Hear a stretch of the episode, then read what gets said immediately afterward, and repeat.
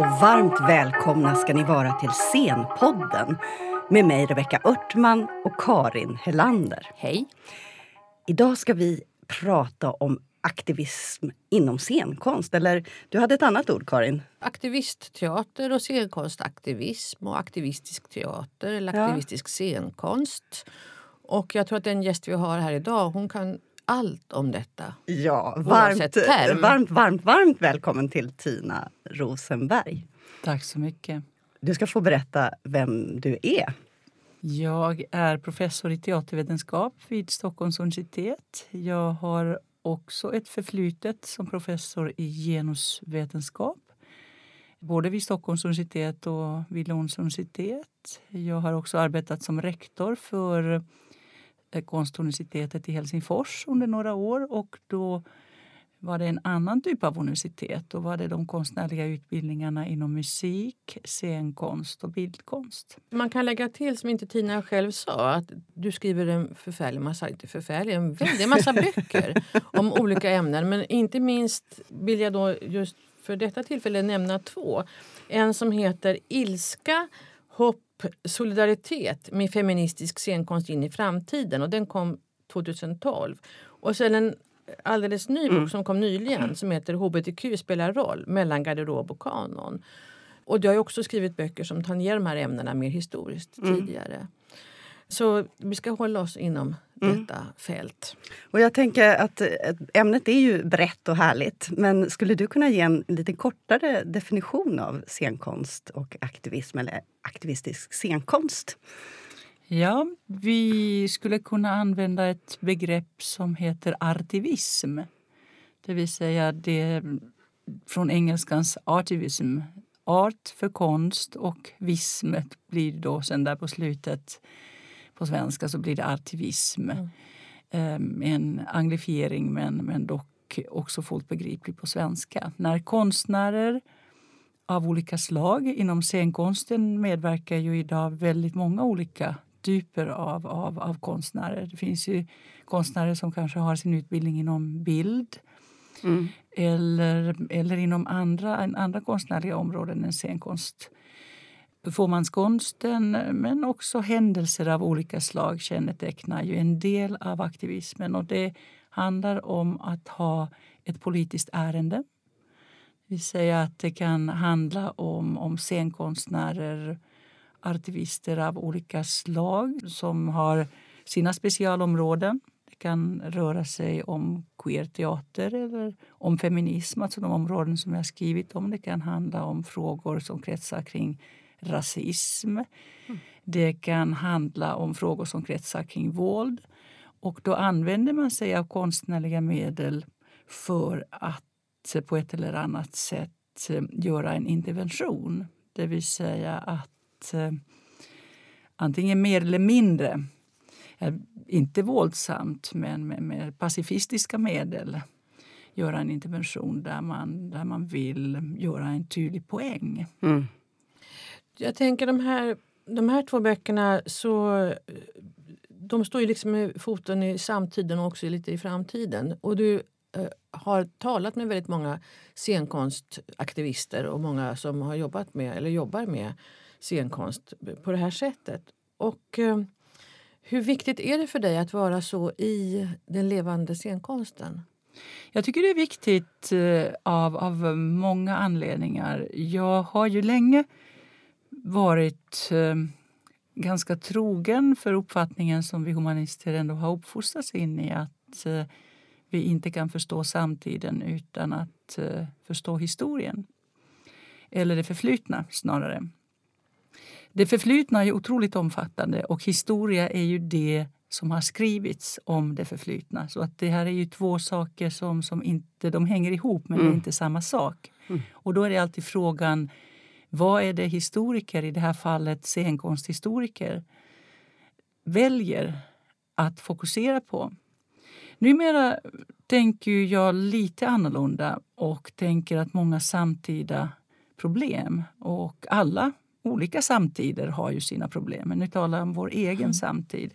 Att många av de problem kan behöver inte nödvändigtvis lösas med historisk kunskap i bakfickan. Och jag ska kort förklara det. Det är inte ett avsteg ifrån humanisternas förkärlek till historia. Eller på sätt och vis kanske det är. Jag tänker att samtida problem kräver samtida svar. Och om vi skulle gå till exempel tillbaka till demokratins historia och dess eh, ganska mödosamma väg in i vår egen samtid. Så om vi bara skulle titta på de historiska misslyckanden så skulle vi inte kanske tro på idén alls. Det kanske är lite tillspetsat men jag vill göra den poängen klar här varför jag tycker det är viktigt att tala med, med scenkonstnärer. Jag tycker det är också viktigt att kontextualisera, det vill säga sätta saker i sina sammanhang, också mm. historiska och nutida. Men jag har valt just i de två böckerna, i Ilska, hopp och solidaritet handlar det om det feministiska genombrottet. Inte kvinnors genombrott i svensk teater utan feminister eh, i, i svensk scenkonst. Och en feminist eh, är en person som kan vara en kvinna men behöver inte vara en kvinna eftersom alla kvinnor inte är feminister mm. och inte alla feminister är kvinnor i ett slags binärt könstänkande utan det här är personer som på olika sätt lyfter fram kön. Men om vi stannar mm. lite där så tänker jag där finns det också ett, eh, där har du ändå ett historiskt perspektiv ja. också för du visar på Dels någonting som du kallar för den feministiska vändningen, som du gärna får berätta vad det är. Och sen också att du tittar lite bakåt, så där ett sekel bakåt också. Till jag tänkte bara eh, för, för liksom lyssnaren att hänga med nu i våra svängar. Mm. Jag tänker, är inte alltid scenkonst en slags aktivism? Eller varför definierar vi det begreppet på det här sättet? Ja, det är en intressant sak därför att det, det tangerar ju frågan om den politiska teatern som ju oftast felaktigt eh, kallas för plakatteater. Jag har mm. personligen ingenting emot plakatteater. Därför och plakatteater, Karin, kan inte du bara... Ja, plakatteater, då tänker man fyrkantigt, tänker jag. Eller på, inte minst kanske 70-talets uh, fria grupper som var väldigt tydliga i sitt budskap ner med kapitalismen. Så, mm. Mm. Uh, med ganska i uh, om man tänker plakatteater så tänker man att det kanske inte är så mycket psykologisk rollgestaltning utan det handlar mycket mer om att representera olika klasser mm. med ganska tydliga och uh, lite fyrkantiga medel. Men det menar jag också är, ofta är en schablon som inte stämmer. Nej, och det har också blivit ett skällsord ja. när, ja. inom teater. man jag säger, tycker att det är ja. en felaktig beskrivning. Men tillbaka till din ja. fråga. Uh, om vi plockar bort aktivismen bara en, en minut och tar det här med politisk teater. Mm. Så det finns politisk teater som kan ha eller tänker sig ha ett politiskt ärende. Och då vill man göra sin poäng och det kan ju gå väl och det kan gå mindre väl. Men sen finns det föreställningar eller teaterhändelser som inte är avsedda från början att vara politiska men det, de träffar en nerv i samtiden som politiserar det hela. Mm. Mm.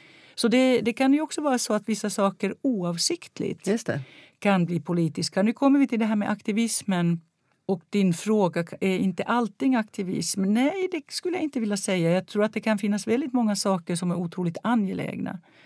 Men, men aktivismen är en medveten intervention. Mm. Att en eller flera personer bestämmer sig tillsammans eller sen på egen hand för vi har ju väldigt många soloföreställningar mm. också. Helt enkelt mm. därför att folk inte fick utrymme inom repertoaren. Mm. Och då har de ställt sig, varit mm. förbannade och ställt sig på scenen och dragit sin, ja.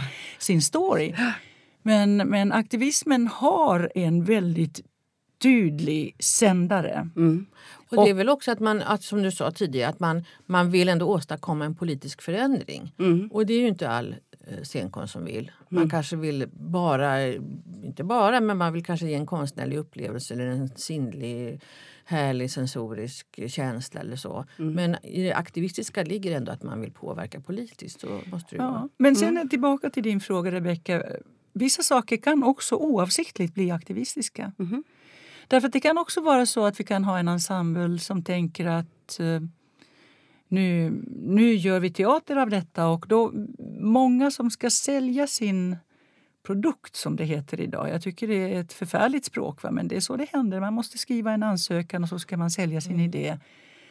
Kanske mm. inte riktigt eh, vill framstå som besvärliga men har ändå ett ärende och eh, det kan ju väldigt snabbt uppfattas som, som aktivistiskt därför att de som vill berätta någonting kanske inte har räknat med att en relativt konservativ institution kanske har synpunkter på det man gör. Eller sen att publiken uppfattar det på ett, på ett annat sätt. Så att vi har ju de här konflikt, mm. konfliktpunkterna mm. som kan ju, kan ju bli väldigt... Uh... Men gör det då att aktivistisk teater sker i källarlokaler? Nej, det är, ju, det är en väldigt bra fråga. Alltså man, man tänker, sig, tänker sig att eh, aktivister som är några stycken som berättar sina stories i någon avlägsen antingen är det förätarfabrik eller, eller en källarlokal. Så behöver det inte alls vara. Jag tänkte när jag arbetade nu med hbtq spelar roll mellan garderob och kanon. Alltså den här processen, komma ut-processen. Och många av dessa scenkonstnärer är ju idag ändå väldigt väletablerade artister mm. Mm. Inom, inom, inom, inom scenkonsten. Det behöver det, det behöver inte alls vara. Jag har verkligen tänkt om på många punkter mm. och tittat på populär, populärteater. Och där ska vi också komma ihåg att det finns en liten distinktion. Populär teater, särskrivet, är ju en annan sak än populärteater ihopskrivet. Att någonting är populärt mm. inom scenkonsten är ju en grej men sen populär teater eller populär scenkonst i ett sammansatt ord är ju en genre i sig. Mm. Och jag tycker att, att det finns ju flera exempel. Jag nämner ju, nämner ju här eh, Jonas Gardell, jag näm nämner Richard Wolff mm. och förstås pionjären fram, framför andra, mm. Christer Lindarw. Och också Eva Dahlgren har fått komma in från musikområdet. Är också en, hon är också en scenkonstnär på sätt och vis men hon har ju också utöver musiken mm. väldigt stora talade partier där hon talar, talar med publiken. Mm. på olika sätt. Och hon har en bred publik. Liksom. Hon har en liksom. otroligt, ja. Men alla dessa artister nu lever ju inte Richard Wolff längre men, men, men han är också ett exempel på en person som har kunnat vara öppet, öppet gay men har haft en enormt bred publik, varit otroligt älskad, älskad både som mm. skådespelare på scen, mm. på film och också som sångare. Mm. Men du, undrar man också, för man kan tänka sig att aktivistteatertermen skulle kunna just leda in på både källarteater men något som är ganska exklusivt eller kanske svårt eller som är väldigt militant och som är något liksom väldigt eget. Och så talar du nu om de här exemplen. Hur ser det ut? Alltså finns det förbindelser mellan de här då mer bredare, populära som man kan, skulle kunna tänka i aktivistiska konstnärer och de här som ändå finns smalare, yngre både grupperna och personerna som du också har med?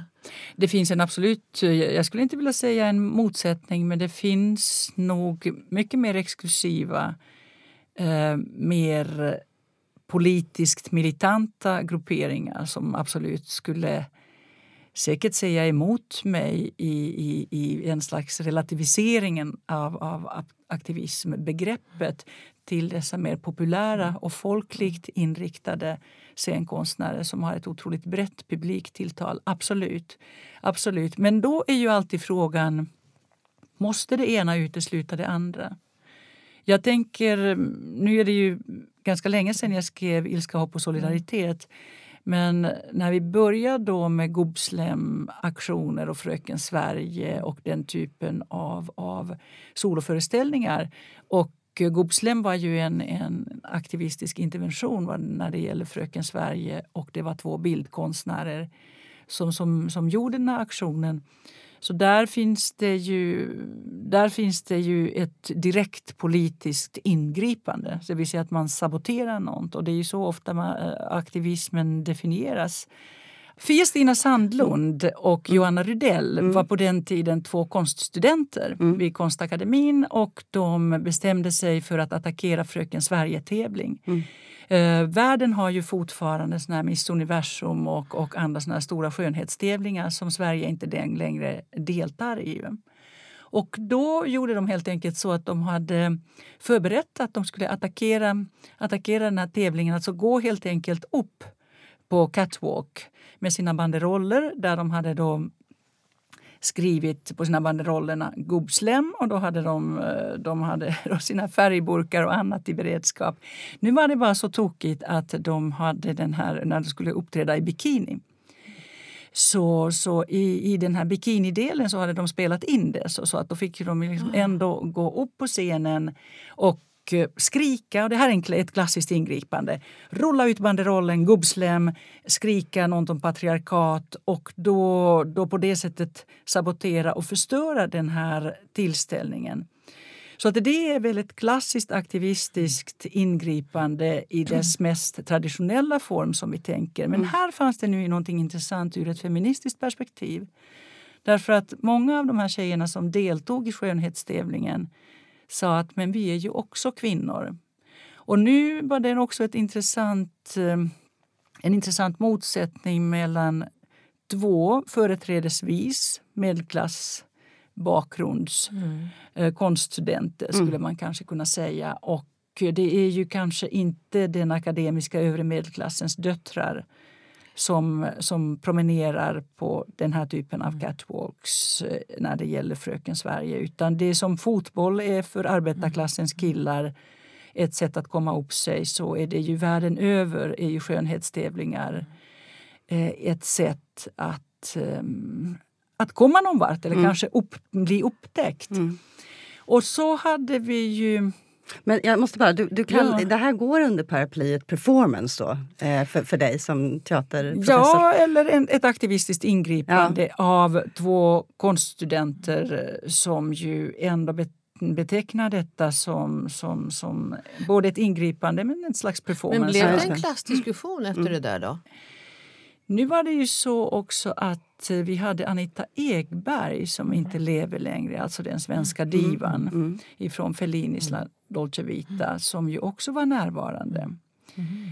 Eh, och det blev ju ännu mer intressant. Mm. Så att eh, jag tror att det ju aldrig sen riktigt har, har rätts ut eller studerats vidare. Men, men jag tänker, tänker också detta med, med, med aktivismen och vem som angriper vem. Mm. Att där är det också väldigt intressant hur att vilja göra någonting antipatriarkalt i det här fallet kan ju i sig slå tillbaka. För egentligen, mm. som du, vad du egentligen säger då, att det är ju inte, kanske var ju inte helt uppenbart att det var gubbarna som blev attackerade utan det var de här tjejerna. Precis. Men du Tina, när, mm. när skulle du säga att den här feministiska aktivist scenkonsten börjar då? Vad är, är det det är det nya, det är det nya millenniet. Jag det är det som du kallar för den feministiska vändningen? Ja, det, det, ja. det, är, ju, det är ju så. Alltså det är, där har ju jag framförallt då den här Gobslem, Gobslem-aktionen och så har ju jag också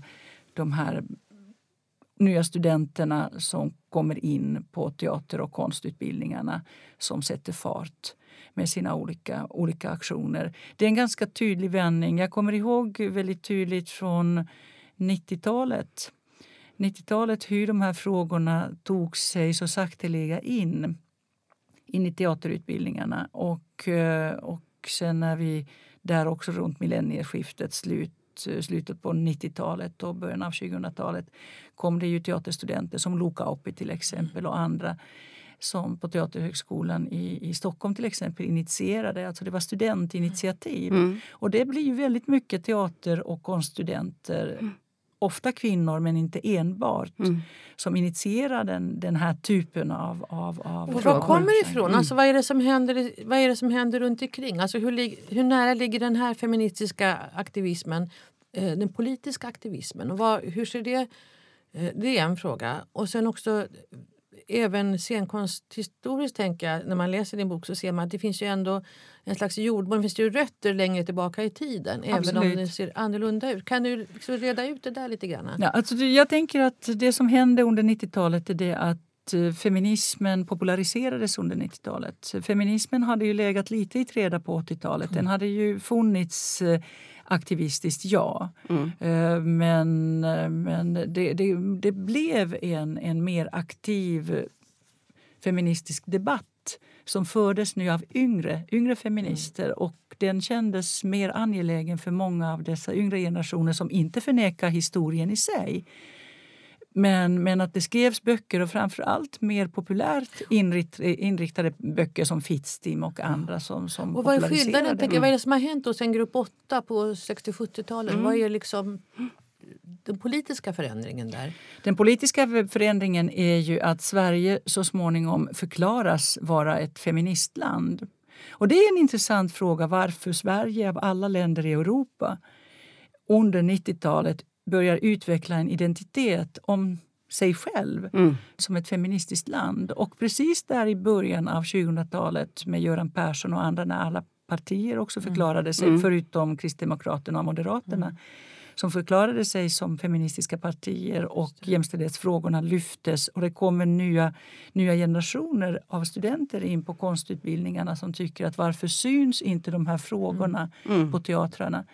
Och sen är det någonting som också inom scenkonsten är en myt som man ville slå hål på var ju myten om den starka kvinnan. För det har ju funnits mm. kvinnor inom teater. Därför mm. tänkte jag att vi gör den här skillnaden mellan mm. feminist och kvinna. Tvivelsutan det har funnits kvinnor, det har funnits kvinnoteman. Så att på det sättet måste vi alltid tänka historiskt att ingenting bara börjar. Om, och om mm. kvinnlig, alltså kvinnans befrielse ja. eller mm. kampen för rösträtten. Ja. Eller mm. Men också en, eh, också, också en fråga som, som hade hänt sedan 70-talets politiska teater där det ju också fanns röda bönor och det fanns röda bögar till exempel i Göteborg som en aktivistisk grupp som också sysslade delvis med kulturpolitik. Så att det fanns ju också kvinnor i det här sammanhanget. Vi hade ju Susanne Osten, vi hade andra som inom vänstern eller inom vänsterteatern ju också hävdade sig som kvinnor och, och feminister. Man tänker Jösses flickor, Susanne Osten ja. och Garpe som kom 74. Det var ju, sågs ju då som en Absolut.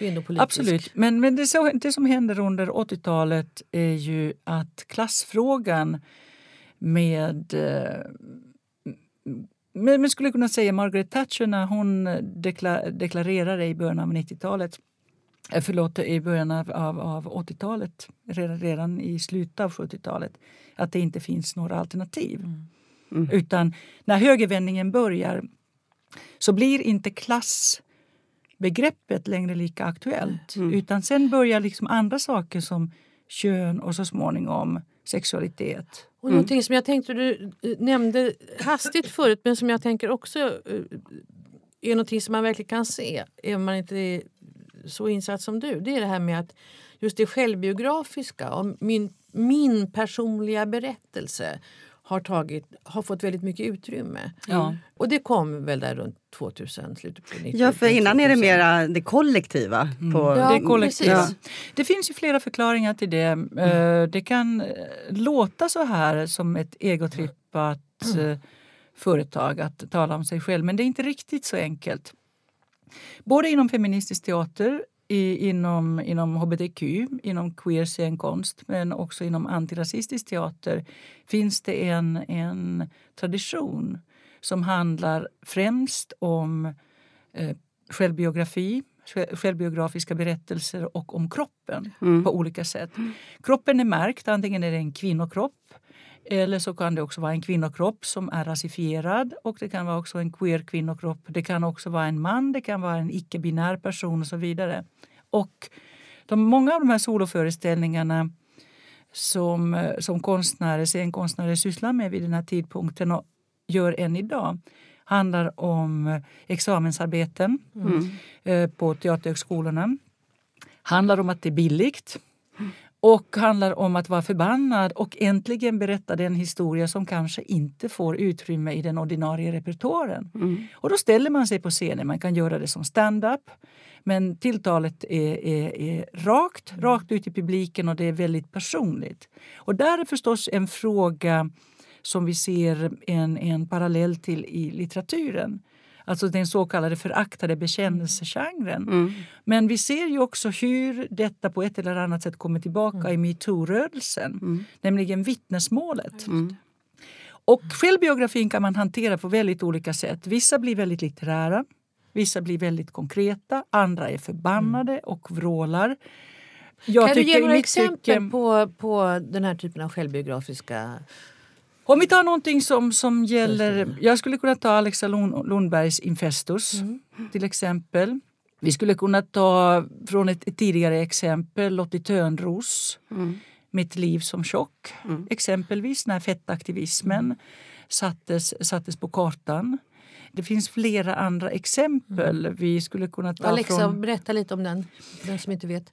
Alexa Lundberg är ju den första transskådespelerskan utbildad i Sverige vid en statlig, statlig scenskola. Det är den distinktionen som, som hon gör själv eftersom det ju också finns andra transpersoner. Va? Men det är ju som hon brukar presentera sig som. Och hon berättar sin, sin berättelse helt enkelt. Vad det innebär. Alltså det som nu också finns i bokform, mm. Bögtjejen. Mm. Vad det innebär att vara den lilla flickan fast i en pojkes kropp. Och det här blev också, det öppnade upp ett samtal som gjorde att Alexa reste land och rike runt med den här berättelsen. Om vi skulle ta, gå lite tillbaka i tiden, ta Lottie Törnros som arbetar med frågorna än idag så var ju Lottis berättelse var ju att hon växte upp i Helsingborg. Hon var ett omfångsrikt barn. Hon kommer till Stockholm. Hon kommer till Teaterhögskolan där hon ser en, föreställning, en elevföreställning av Malin Axelsson som nu är radioteaterchef och ser att det är möjligt samtidigt som hon kommer inte in på de här utbildningarna. Hon tycker att hon aldrig riktigt får ett svar varför hon inte kommer in. Och, och till slut gör hon sin egen berättelse i Giljotins lokaler mm. som var på, på Odengatan. Man gick genom två dörrar och på mm. bakgården och in i en källarlokal. Jag satt där. Eh, och, och många av oss såg den här föreställningen där hon också tar av sig kläderna mm. där på slutet vilket är ju väldigt förknippad mm. med tanken på kroppen. Vi har ju det fanns också någonting som jag tyckte var väldigt intressant med, med den föreställningen, nämligen det som hände före föreställningen. Rebecka, du kanske minns? Mm. Vi skulle alla ställa oss på en personvåg. Just. Just. Och skriva mm. vårt namn och vår vikt. Mm. Och då gick jag flera gånger dit för att kolla bara på det här, hur folk kom mm. in. Mm. Och då sa man varsågod, nu kan du väga dig. Mm. Och det var ju som om, om den här personvågen utstrålade, mm. alltså, mm. att det, var, det brände. Ja. Att det var radioaktivt, att det var någonting, någonting förfärligt. Därför att väldigt många sa att nej, men, om jag hade tagit min morgonvikt eller om jag inte hade haft den här tjocka koftan och jag måste ta av kavajen. Och, och, men, men, men, och egentligen väger jag inte så här mycket. och, och det kan vi ju tycka idag är lite lustigt va? Men, men jag tänker att självbiografi och kropp det är som skam. Ju, att det där var det ju väldigt mycket Kopplat. skam. Så har vi ju också berättelserna om de svarta barnen som tror som barn att när de blir vuxna så blir de vita och frågar mm. mamman, mamma blir jag vit när jag blir stor? Eftersom man ju aldrig på teatern mm. har sett mm. något svart barn mm. inom barnteater mm. eller mm. inte, inte vuxenteatern. Så att det, det, det blir väldigt konkret och jag tror helt enkelt inte på förklaringen att soloföreställningar handlar om att vara egotrippad. Utan sol, de här soloföreställningarna som har varit relativt billiga så har, har man kunnat helt enkelt berätta sin, sin berättelse. Mm. Och det har varit eh, i många fall, tänker jag, en ingångsbiljett. Mm. En, eller inträdesbiljett till scenkonsten mm. därför att sen har ju Lottie och... Den togs på riksturné och, ja, ja, och, och, liksom och också så, bli, så har man kunnat etablera bred. sig. Ja, Men sen mm. tänker jag det här med det klassiska källar, källar exemplet kanske kan vara Robert Fuchs va? Som, mm. som ju också kommer från Kalmar eh, från, eh, till, från en mindre stad till, eh, till storstaden Stockholm som i, med våra mått mätt. Ja, det, Stockholm är inte som mm. Sao Paulo eller New York men, men i mm. vårt nordiska perspektiv så är det ändå storstaden. Och Eh, börjar, som han sa, liksom, att han hade ju från början dorkslag på mm. huvudet mm. och, och mimade liksom redan hemma. hemma och, och börjar sen se sen drag i Stockholm och tänker ja, men det där vill ju jag mm. också mm. göra. Och uh, arbetar sig upp och idag är ju en, en, en skådespelare på, på Stadsteatern men som också den här veckan, mm. den gångna veckan har i Selen på försvarskonferensen mm, tagit sin soloföreställning. Mm. Nu råkade vara en monolog. Mm, Ned med vapnen från Stadsteatern. Och eh, spelat den mm. där uppe. Och jag hörde en radiointervju mm. precis i måndags mm. och då frågade de att ja, men här är det nu liksom försvar och annat. Men de hade faktiskt, som Robert alldeles riktigt mm. påpekade, det handlade också om det civila försvaret och också pacifismen mm. måste få ett utrymme här. Det är ett sätt och där han spelar pacifistisk mm. kvinna. Och, det spelad, och, och, och mm. att, att, Robert ändå där fortsätter på dragspåret, spelar en kvinna ja. med ett pacifistiskt budskap mm. genom Stockholms stadsteater i Selen mm. i, ett, i, ett, nationellt sammanhang. Så att där för man ju samman både källarlokalen där man mm. kommer ifrån, alltså den tekniken, skådespelartekniken mm. och vill göra en poäng. Och det här är ju alltid en intressant fråga när vi tittar på Oscarsutdelningarna mm. eller där, eh, Guldbaggen eller vad ni vill. Hur tackar folk ja. eller passar man på när man har scenen? Mm. Mm. Eh, när man har scenen ja. så, så, så är det är det ett aktivistiskt ingripande eller vad håller man för tal? Och, mm.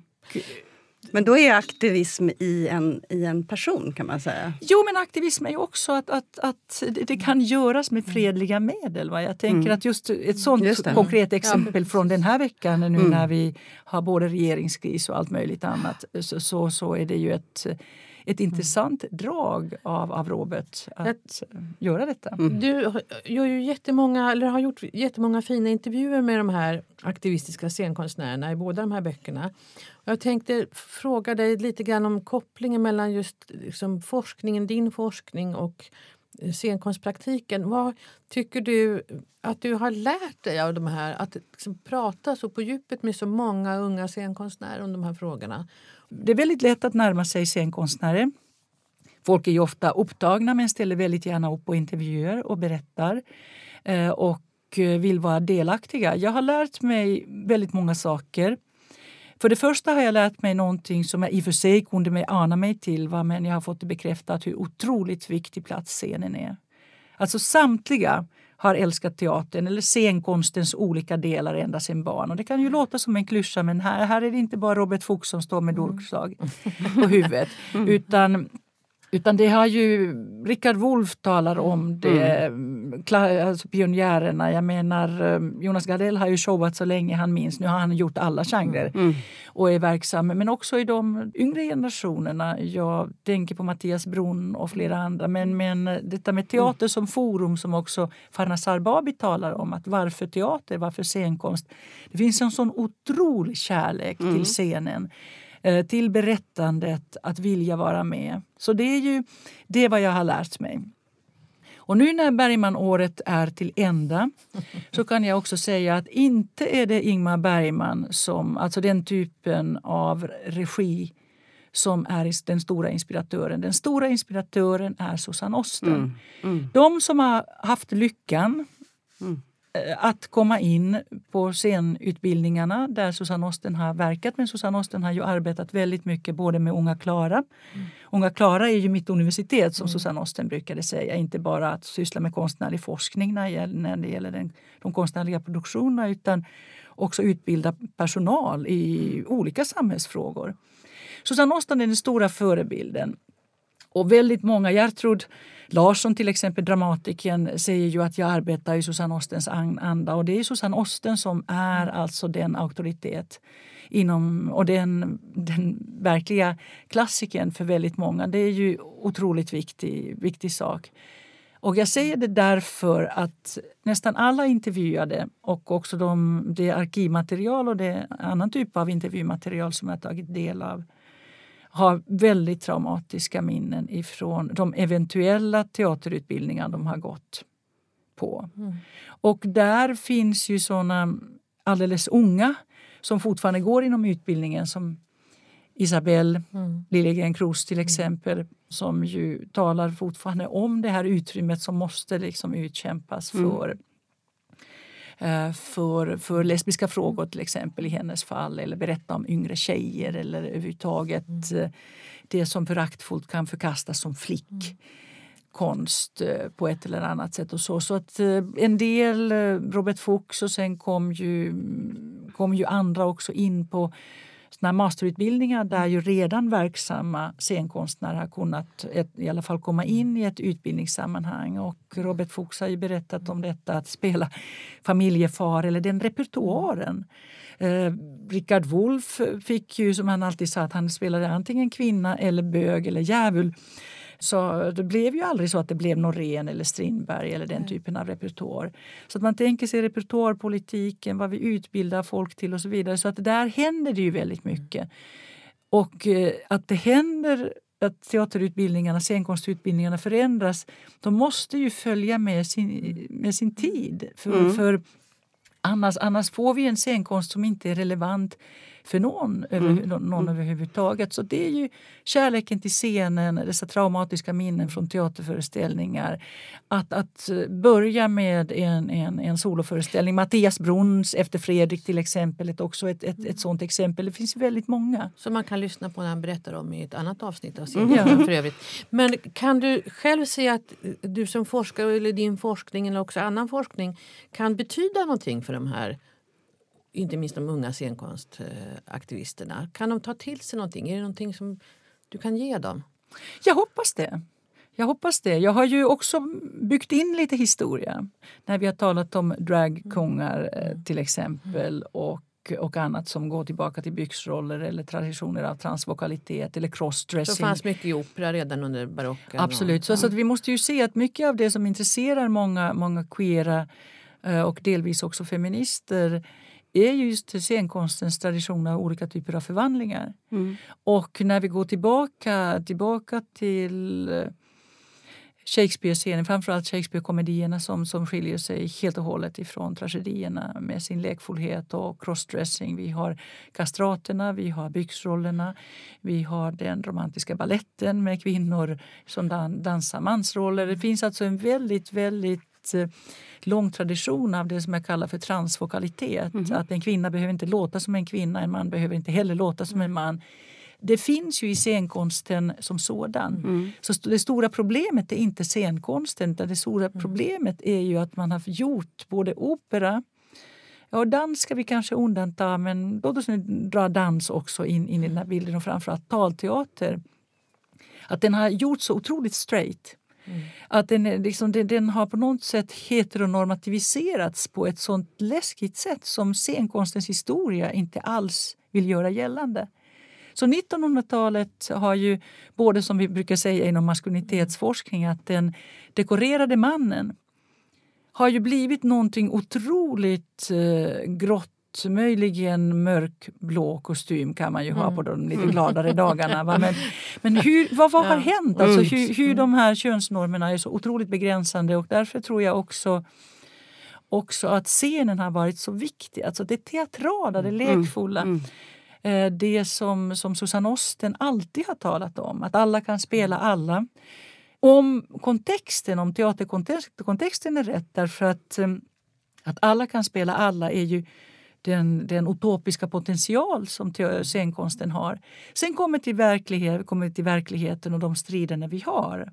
Okej, okay, om alla kan mm. spela allt, hur kommer det sig då att de svarta skådespelarna inte kan spela alla roller? Mm. Hur kommer det sig att de öppet queera inte kan spela straighta men straighta kan alltid spela mm. queera? Mm. Alltså du kan alltid spela bög eller flata mm. om du är straight och så får du en massa priser mm. och belöningar för det. Va? Men mm. det, det, liksom, det, det är fortfarande mm. väldigt, väldigt stelt. Jag tänkte, det, mm. för det du beskriver är ju, alltså det är ju verkligen, även om det har hänt en del så är det fortfarande väldigt eh, som stela, förstelnande Eh, liksom normer och konventioner sen Hedenöse som fortfarande finns kvar även om det liksom bryts mot det och det ändå sipprar in nytt i scenskoleutbildningen och sånt där. Men någonting som jag tänkte på, som man tänker på när man läser dina böcker och som jag såg i en recension av hbtq-boken häromdagen också, som den recensenten tog fasta på, det är att eh, dina böcker, trots dessa ibland ganska svåra exempel som du har, alltså deprimerande skulle man kunna säga, exempel som du har, så, så finns det en väldigt jävlar anamma ton i böckerna. Att det finns väldigt mycket gott humör, ilska, hopp. Det är så verkligen både ilska och hopp. Det finns någon slags eh, ja, just gott humör i de här böckerna. En slags optimism också. Hur, var får du den ifrån? Ja, det är därför att jag är gammal tror jag. Att, att vi, vi på något sätt på 70-talet när jag gick i skolan så vi uppfostrades i en väldigt optimistisk anda. Och, och det är ju förstås lätt att vara pessimist men en pessimist eh, kommer ju ingen vart. Nu kan man inte heller vara någon tokoptimist men det måste ju finnas en väg framåt. Sara Ahmed som ju är en feministisk teoretiker skriver ju om, om ilska och hopp att eh, man kan inte dröja vid ilskan. Väldigt många av de scenkonstnärer som jag skriver om har ju börjat där. Mm. Att, att vilja bli, göra saker synliga, vilja bli synliga själva, vilja stå på scenen. Och någonstans så har ilskan varit drivkraften. Mm. Men det kan ju vara en igångsättare. Men om du fastnar i ilskan och i traumat så kan det bli hermetiskt. Det vill säga det blir så slutet att du kommer ingen vart utan du, du håller på med det. Nästa steg från ilskan är undran. Mm. Jaha, hur kommer det sig? Och hur kan jag göra det här? Hur kan vi gestalta det här konstnärligt? Mm. Hur kan vi nå andra? Hur kan vi använda humorn som vapen? Precis. Exempelvis i den manliga gaykulturen. Vi kan ju ta Jonas Gardell som ett exempel. Ett utomordentligt exempel på hur man använder humorn. Det vill säga att ur, ur denna bakgrund att ha varit förbannad kommer liksom, växer det fram ett sätt att tilltala publiken där undran har redan gjort sitt. Mm. mm. Det vill säga att, att man behöver inte slå. Man kanske slår från början för att inte själv bli slagen. Men att, att kunna förvandla det. Och det undran är den här processen. Hur ska jag kunna gå vidare? Och vad beror det här på? Mm. Och det måste ju rimligen sluta i ett hopp. Mm. Det vill säga att ingen ska ställa sig på en scen utan att ha hopp om att det finns människor, nämligen publiken, mm. som tar emot det jag slash vi vill berätta. När jag lyssnar på dig nu så tänker jag att jag tänker också på humor som vapen, jag tänker på skrattet som vapen. Och när jag tänker på skrattet som vapen så tänker jag också på det här liksom det karnevaliska, att kunna rasera konventioner, vända upp och ner på samhällsstrukturer. Så. Finns det sådana kopplingar också i den här aktivistteatern? Ja, jag skulle vilja säga att tragedin är den mest reaktionära av alla genrer. Alltså kvinnorna dör och alla de goda dör och, och, och det är ju ohyggligt. Alltså det handlar om, om hämnd för det mesta. Alltså om, om du börjar från antiken så, så det, liksom, det är ju någon slags hederstematik som präglar allt det här. Och, och det att man på något sätt har givit tragedin någon slags företräde före komedin eller före det populärt, det lite burleska mm. eh, där ju den stora publiken de facto finns. Så jag tror att om man föraktar de folkliga genrerna mm om man föraktar tv-serier, om man föraktar det som så att säga går mm. hem mm. som är ju det fel som många kritiker och forskare har gjort så ligger det väldigt nära till hands att man också föraktar den stora publiken. Mm. Och jag menar ju inte, jag tycker att alla blommor ska få blomma. Ja, inte de fascistiska, det måste jag ju ändå säga. En liten brasklapp. Alltså man brukar alltid sådär lite mm. i någon slags falsk liberal anda säga att alla ska få finnas och så vidare. Nu finns ju alla på olika sätt men jag tycker mm. ändå att teatern ska ju också ta sitt politiska, åtminstone sitt moraliska och empatiskt etiska ansvar. Sen får man ju arbeta inom olika genrer såklart så att jag har inga recept så. Men, men jag tänker mig att jag är ju väldigt, väldigt glad när jag ser en stor publik på teatern som, som hänger med. Mm. Som, som är liksom med och är vaken. Mm. Och det tycker jag alltid är ett sånt där fantastiskt ögonblick. Du, var, mm. eh, du har ju sett fruktansvärt mycket scenkonst eh, under många år. Finns det några föreställningar som har drabbat dig så där som en käftsmäll? Absolut. Och det är ju inte bara jag, det finns ju många i, bland oss som är, som är lite, eh, lite äldre. Det var Susanne Ostens i Lusthuset, helt klart. Alltså det tycker jag är ju den svenska teaterns en av de märkesuppsättningar som man någonsin har gjort. För att... Vilket år är det här vi pratar nu? Mm, det är ju 88. 80. Mm, ja. och, och dels äh, använde hon, alltså, dels var det, jobbade hon ju då med crossdressing i det här mm. sammanhanget. Att det, det var, var kanske tre... fem, sex skådespelare? Eller? Ja, ett gäng glaser spelade kvinna, alla de har med, mödrar. Mm. Fru Eastman Cuevas mm. i den uppsättningen. Rickard Wolff som var svårt sjuk mm. och Susanne sa att nu måste du komma från sjukhuset. Mm. Han låg halvsatt och halvlåg därför att han, jag trodde det var, det kunde jag inte på den tiden veta, att han redan då var sjuk så att han orkade inte stå upp alla gånger. I långklänning. Spelade Mrs, I långklänning spelade en alkoholiserad mamma, Mrs Constable också, hade Bosse Samuelsson mm. som spelade en slags latino-mamma i många liksom, lager av olika kjolar. Och eh, Malin Ek. Och, eh, Malin Ek spelade man i det här sammanhanget. Och, och det fanns ju liksom, det var ju... Gunilla Rör. Var... Gunilla Rör var ju, var ju med. Mm. Och... Eh, Björn Kjellman. Björn Kjellman. Kjellman och Gunilla Rör. Björn Kjellman och Gunilla Rör som spelade ungdomarna. Och, och det här är ju en sån här... När, att, att komma till en teater, det är en, en, en, en vanlig dag och sen gå därifrån och förstå att nu har det hänt någonting. Mm. Det, är ju, det måste jag säga att jag har ju sett mycket och mycket bra saker och saker som har, som har gjort men det här, som har gjort mig glad och, och, och, och upprymd.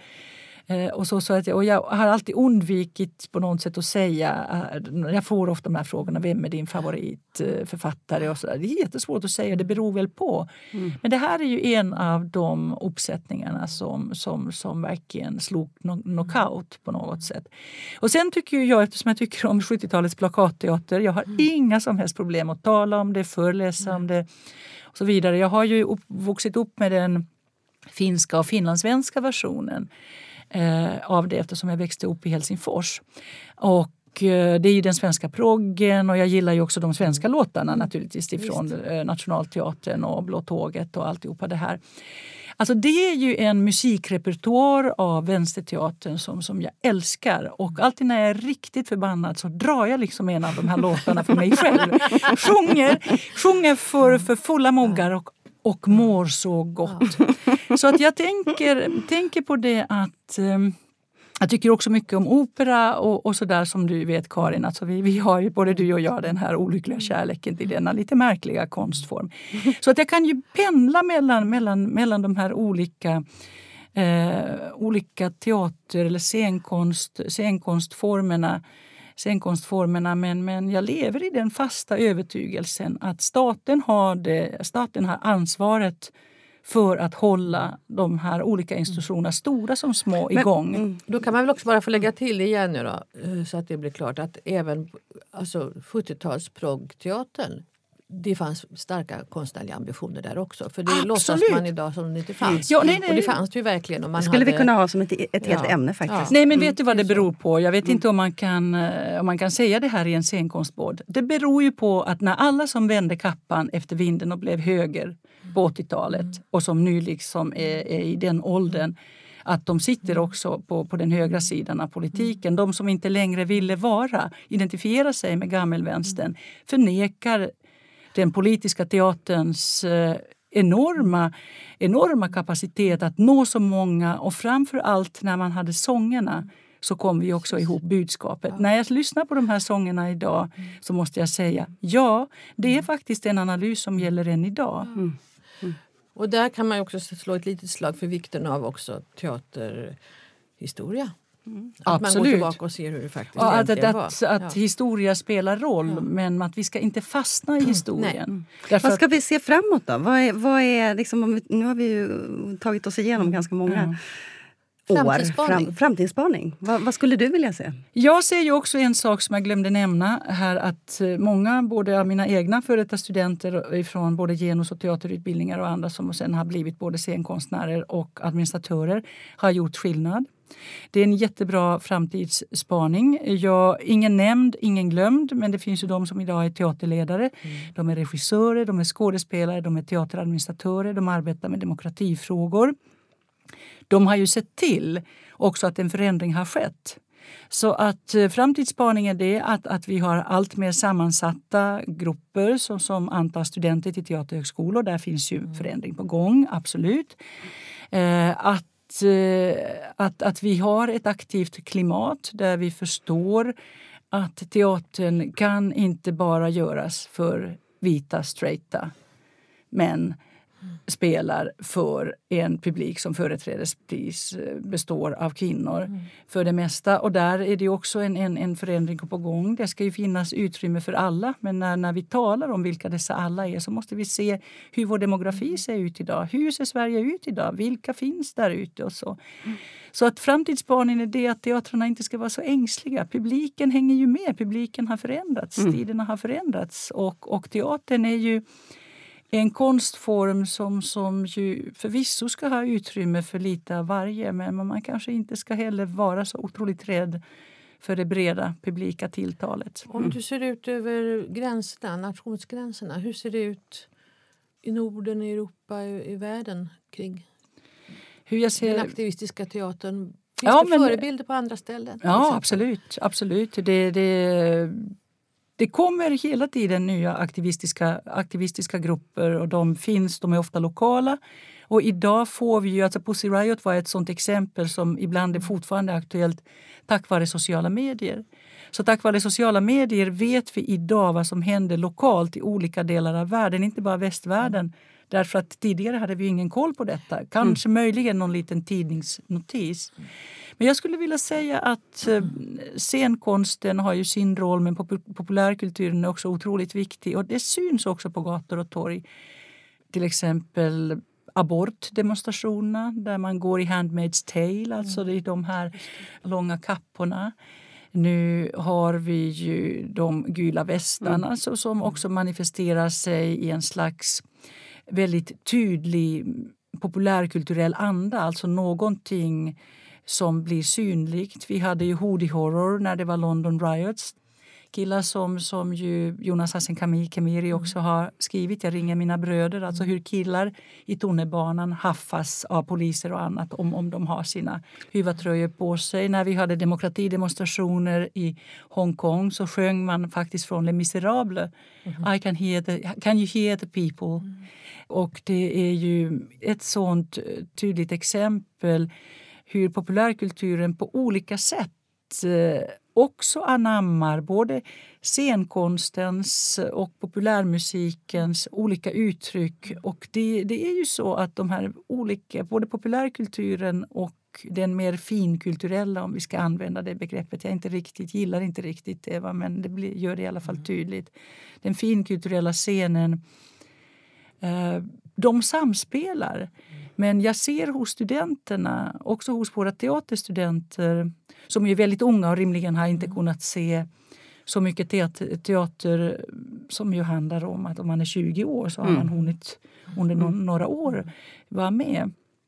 Att det är de populärkulturella referenserna, de styr styr väldigt mycket och teater kommer sen. Så, så att det är ju också viktigt för oss inom scenkonsten. Vi kan inte göra det populärkulturen gör. Va? Men vi, vi kan ju alltid tänka på tilltalet när, när det finns konstnärliga ambitioner. För precis som du mm. säger, Karin. Alltså det finns en missuppfattning om det som man idag kallar för plakatteater därför att man vill inte bli uppfattad som vänster. Ehm, man vill inte bli associerad med politiska idéer. Men det som är den aktivistiska mm teaterns eller aktivistiska scenkonstens kärna är det att man vill exakt göra detta. Mm. Man vill bli identifierad med en politisk hållning. Mm. Du, eh, har du fler bokprojekt i huvudet? Det här med populärkulturen låter som en... Ja, som, som en given... som en kommande bok. Ja, nej men jag, eh, jag funderar på, återigen, jag ska hålla mig till nu till det här med transvokalitet och, och jag har lite olika slags eh, olika slags tankar där. Va? Men nu gav det mig förstås en idé där. Va? Så, så att, eh, vi, vi, får se. Det, det finns en ju... till framtidsspaning. ja, det finns, det finns ju alltid något litet i byrålådan. Ja. Tack Tina Rosenberg för att du kom hit. Tack så jättemycket för att jag fick komma hit. Tack. Och tack Karin. Tack. Ni möter oss igen om ett par veckor, då med en ny spännande gäst. Missa inte det.